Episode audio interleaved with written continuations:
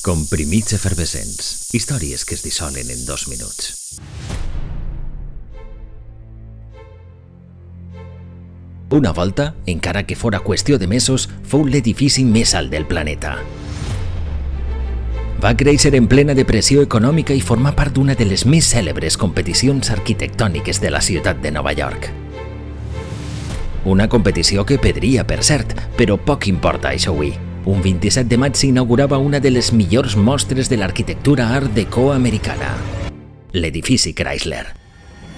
Dissenyat per l'arquitecte William Van Allen, és una construcció icònica de la ciutat dels gratacels. Amb més de 319 metres d'alçada destaquen els acabats i els elements decoratius que el fan particularment singular. L'agulla d'acer que remata l'edifici té una llargada de 56 metres. Fou transportada en segments fins a dalt i muntada allà mateix en una maniobra extraordinàriament audaç i arriscada. La seva imatge cridanera i contemporània atragué clients ben prompte i bona part de les seues oficines foren llogades ràpidament.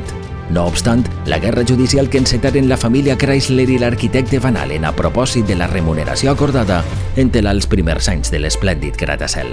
Tampoc la dècada dels 60 fou una bona època per al Chrysler, assetjat per la falta de manteniment i els efectes de la contaminació. La seva salvació arribaria en ser declarat monument nacional. Una profunda restauració en el tombant de segle li retornaria l'esplendor que manté 87 anys després, el 27 de maig de 1930.